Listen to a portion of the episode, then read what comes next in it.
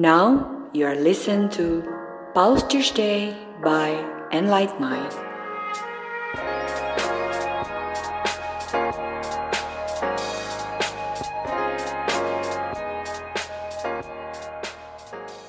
Hai, kembali lagi di podcast Posters Day by Enlight Mind. Hari ini kita memasuki episode ke-14. Seperti biasa, ada Dodo di sini. Ada Ika di sini. Nah, kebetulan Mbak Alfi ada, Dan? tapi nggak suaranya nggak mau nongol karena kita punya bintang tamu.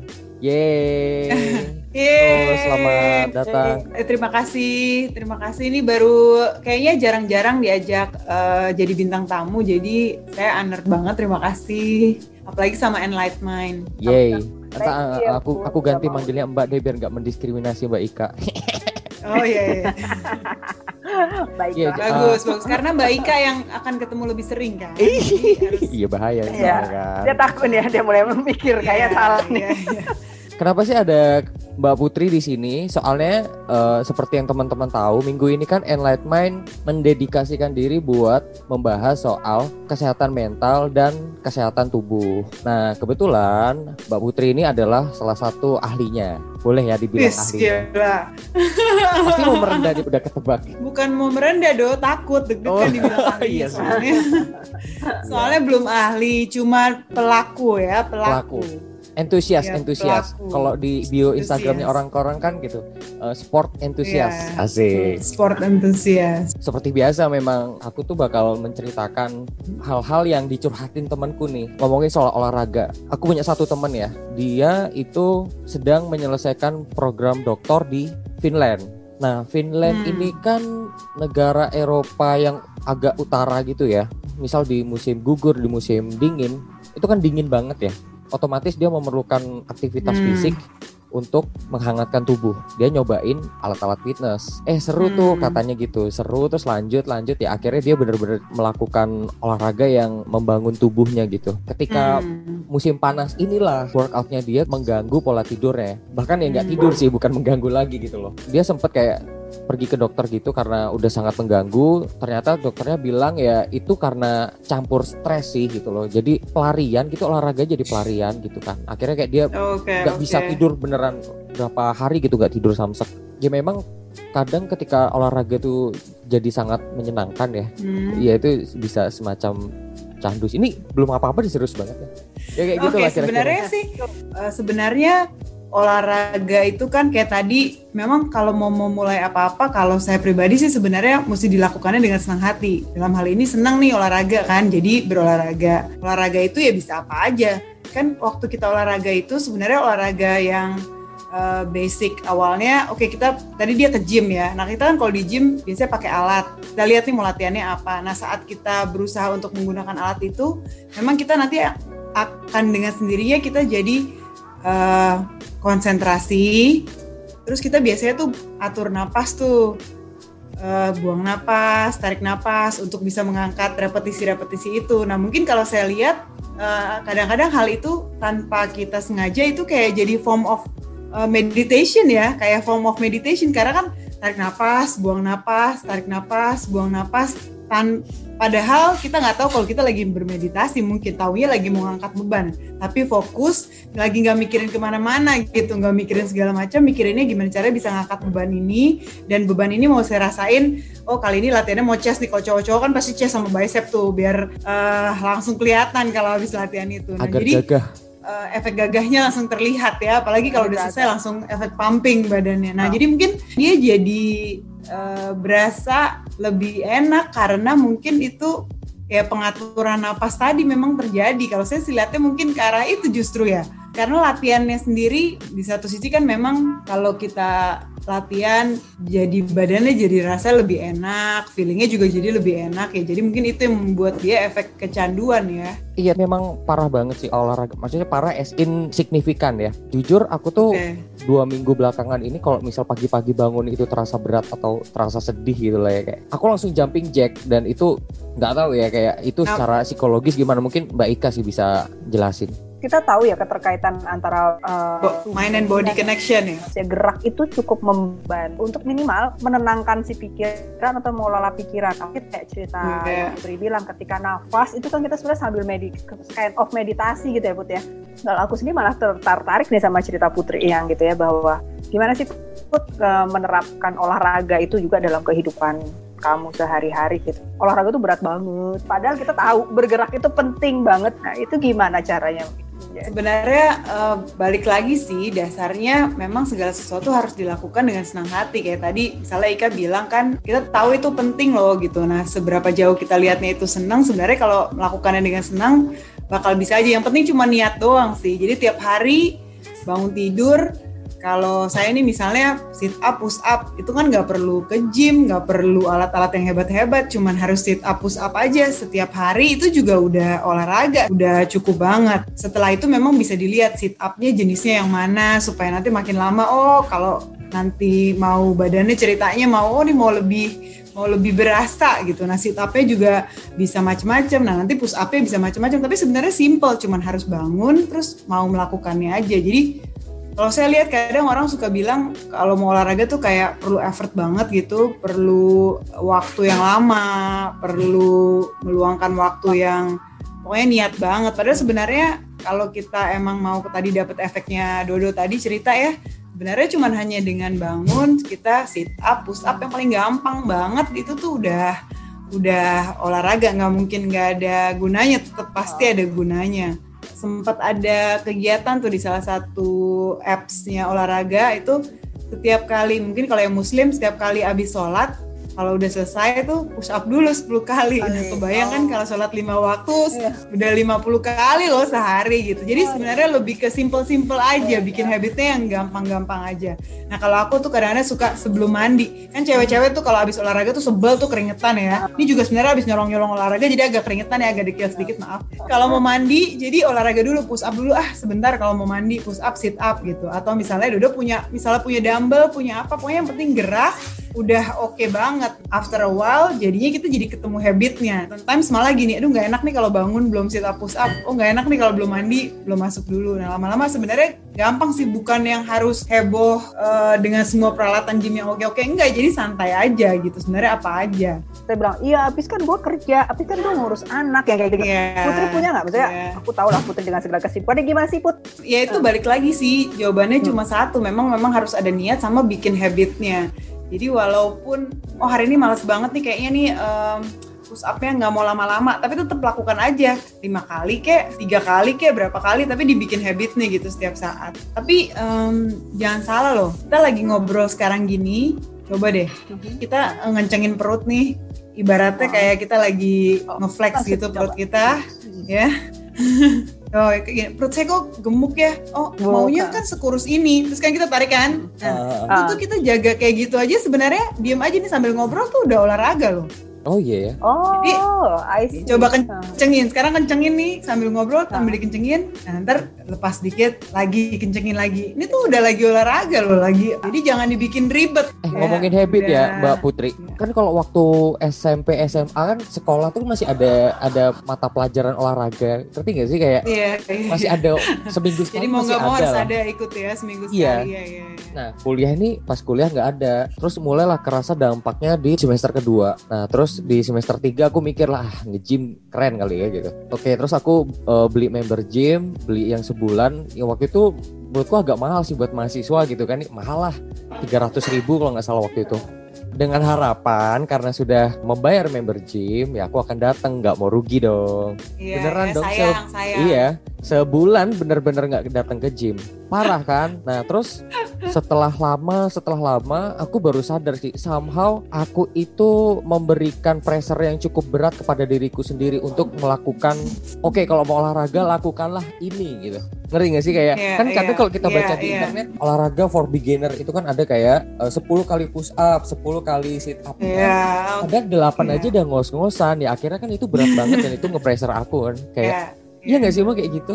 Iya, kadang emang uh, kayak sebenarnya udah bagus banget tuh tadi Dodo. Pokoknya beli gue beli member gym biar abis itu nanti gue jadi harus ke gym kan gitu kan. Nah cuma hmm. memang satu step yang kurangnya nggak dimulai aja kan.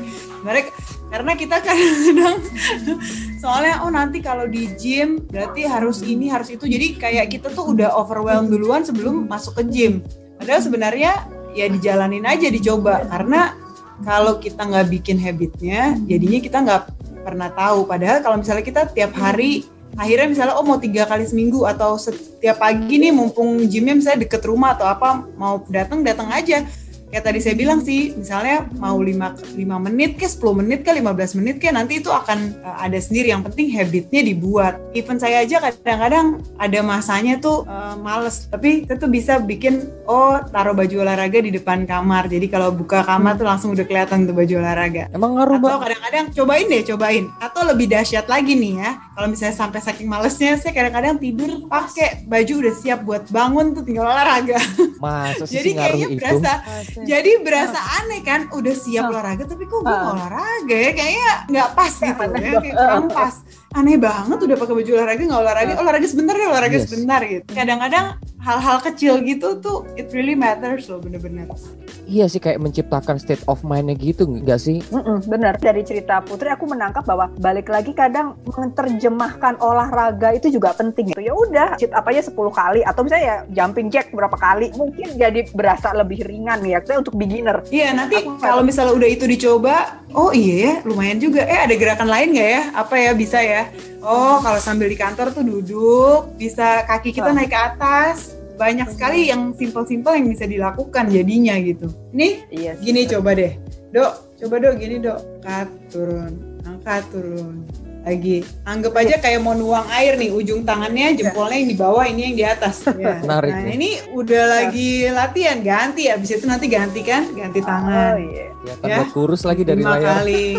itu kalau bilang bahwa hitungannya harus benar lo kalau olahraga tuh harus sekian menit dulu tuh baru berasa. Uh, Sebenarnya gini lagi tujuannya kita mau olahraganya kan apa kan sama stage-nya kita mau olahraga kan macam-macam. Saat misalnya kita memang mau ada tujuan tertentu untuk ada body goal ya memang ada harus step-step yang harus dilakukan. Memang oh berapa repetisi, berapa set ya kalau di gym kan pasti gitu alatnya banyak. Satu alat kita mau melakukan berapa repetisinya jadi berhitung gitu. Tapi kan kalau misalnya itu sana nih kalau ngomongin nggak pernah olahraga sama sekali mau mulai ya ayo aja apa aja gitu. Mungkin kalau cewek-cewek kita suka nurunin berat badan mungkin Dodo enggak. Mungkin Dodo mau punya muscle dong. gitu iya dong. Misalnya ya kan? Memang ada caranya lagi. Oh kalau misalnya mau naikin masa otot berarti latihannya seperti ini. Saat istirahatnya juga lebih lama dibandingkan dengan kita yang mau eh, mengurangi eh, berat badan. Terus udah gitu kita kardio dulu apa olahraga apa latihan beban dulu? Oh ternyata kalau kita mau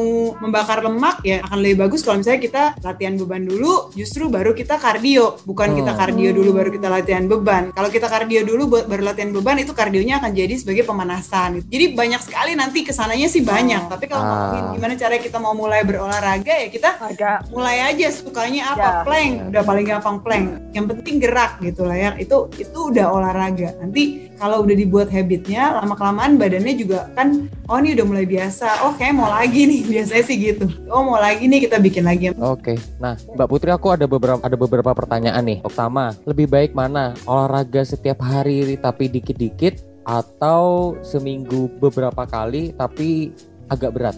Sebenarnya jawabannya boleh apa aja. Oh iya Berarti semudah itu ya sebenarnya. Boleh apa aja. Tergantung tadi kan tujuannya masing-masing. Kalau dibilang saya tuh maunya setiap hari ya mungkin tujuannya untuk mencapai body goal tertentu tapi make sure aja ada waktu istirahat karena kan untuk kita sehat secara keseluruhan kan yang pasti latihan teratur, makan yang teratur sama istirahat yang teratur. Jadi istirahatnya juga nggak boleh lupa gitu. Tapi kalau ditanya bagusan mana, bagusan mana nggak ada yang nggak ada yang gimana-gimana tetap sesuai dengan goal masing-masing gitu. Oke, pertanyaan kedua, lebih baik makan dulu atau perut kosong pas mau olahraga?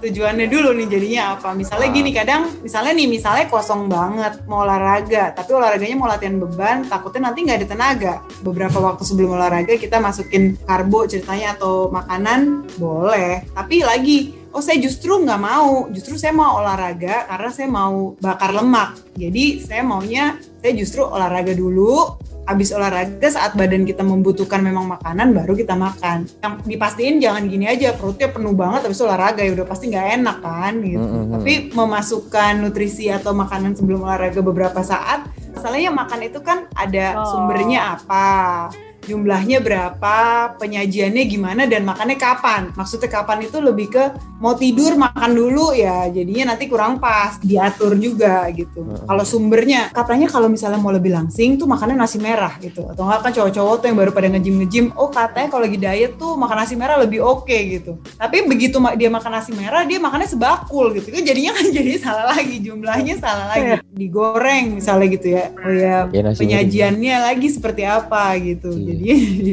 tubuh kita tuh kan ada berat badan murni sama Ah. lemak ya kan berat badan murni itu kayak otot kita air semua tulang gitu sama lemak ya sebenarnya yang baik adalah kita menurunkan uh, kadar lemak dan menjaga berat badan murni itu tetap atau meningkat ngomongin motivasi nih.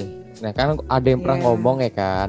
Kalau kita bisa menjaga 40 hari, ada yang bilang 30 hari menjaga pace Hmm. untuk tetap olahraga, maka ke sananya yang terjadi adalah ketika tidak olahraga merasa ada yang kurang, merasa ada yang salah. Itu benar nggak sih? Hmm. Nah, itu kan habit ya. Jadi kita udah membangun habitnya, membuat habit itu kan perlu waktunya dan akhirnya justru jadi kebiasaan ya. Mm-mm. Sebenarnya kita juga pernah bahas yang soal habit ini ya bahwa perlu memantapkan dulu kan si habit itu. Nah, waktu 30 hari itu dianggap sudah mestinya sudah cukup gitu. Kalau misalnya baru sehari dua hari kan biasanya kita mudah banget ya untuk ya ah 30 Iya, hari itu iya. sudah menjadi sebuah kebiasaan yang akhirnya ketika kita tidak ngelakuin ya Ada yang Ah. salah ya?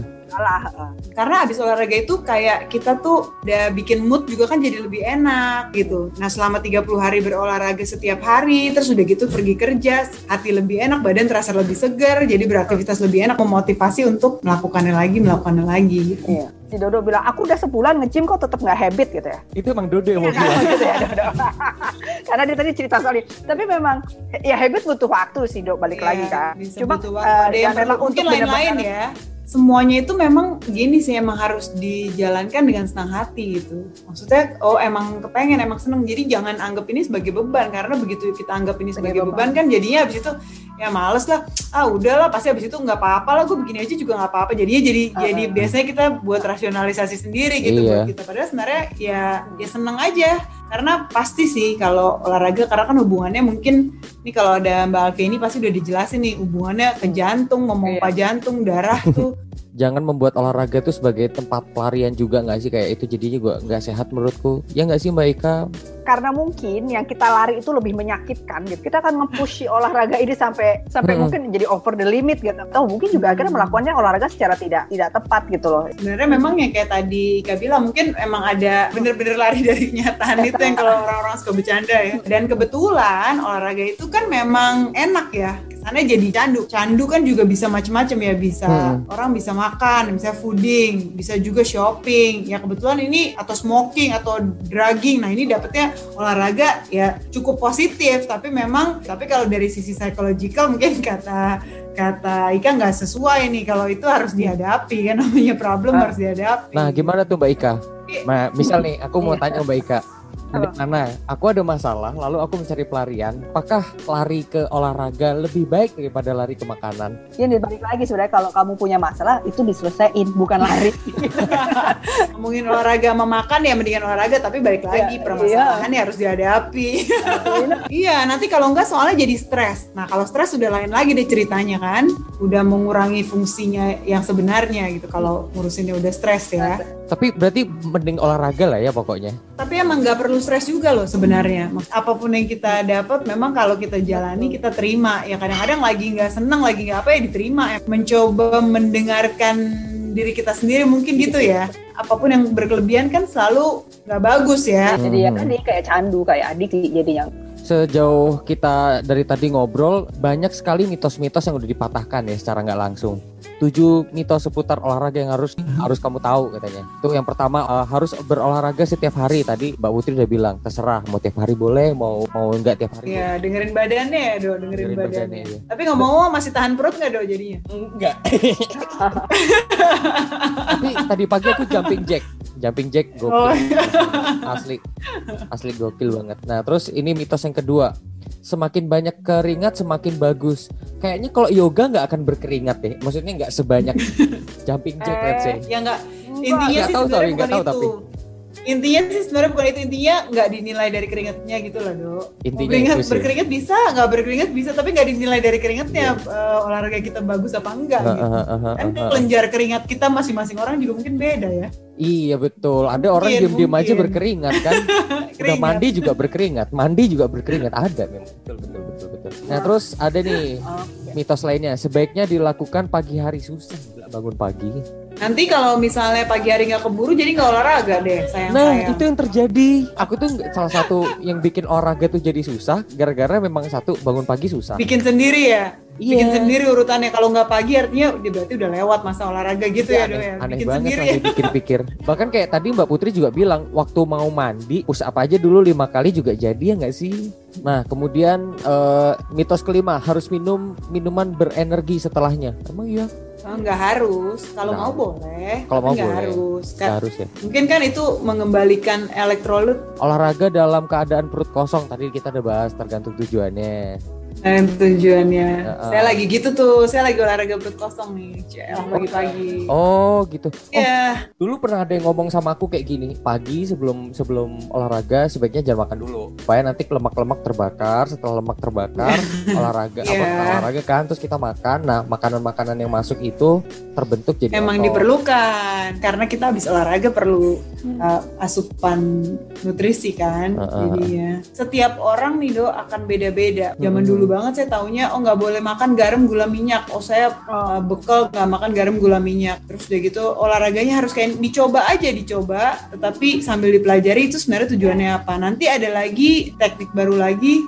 eh tapi ngomongin gula garam minyak coba dong Iya. mbak jelasin ke kami kami ini gula garam minyak itu ada apa sih Ya dengan justru gula itu garam kan minyak sebenarnya gula sih ya kelebihan gula di dalam badan kita ya pasti nanti kalau terlalu banyak nanti kan store jadi lemak. Tadi kita udah ngomongin kan kita maunya berat badan murni plus berat badan lemak, maunya lemak yang diturunkan.